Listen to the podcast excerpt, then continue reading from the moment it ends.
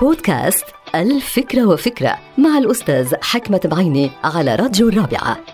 يبدو إنه الانحياز إلى فكرة معينة في مجال ال business طبعا باللغة الإنجليزية الانحياز هو ال bias. هو انحياز طبعا بالمعرفة انحياز باتخاذ القرار انحياز بطريقة العمل والأهداف. مثلا إذا قررت أنه تبني مشروع تجاري مبني على انحياز شخصي لفكرة معينة إلى علاقة مثلا ب service أو ب products هذا الانحياز إن لم يكن مبنيا على قواعد موضوعية حياخدك إلى أماكن صعبة في مجال ال business مما يؤدي إلى خسارة كبيرة في المشاريع.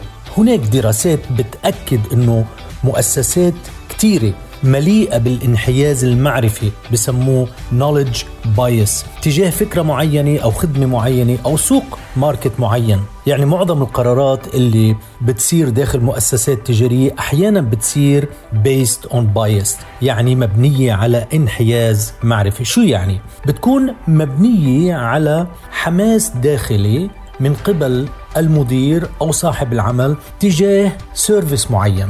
بعطيكم كتير مثل بسيط.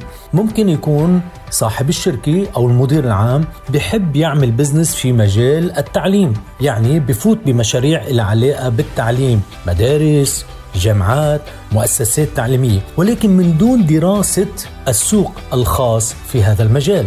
لذلك هذا التأثير تأثير الانحياز المعرفي أو العاطفي تجاه مشاريع معينة بتؤدي أحيانا إلى خسارة كبيرة جدا جدا للمشاريع التجارية، اذا احذروا الانحياز المعرفي أو العاطفي، انتهت الفكرة. هذه الحلقة مقتبسة من كتاب الفكرة وفكرة.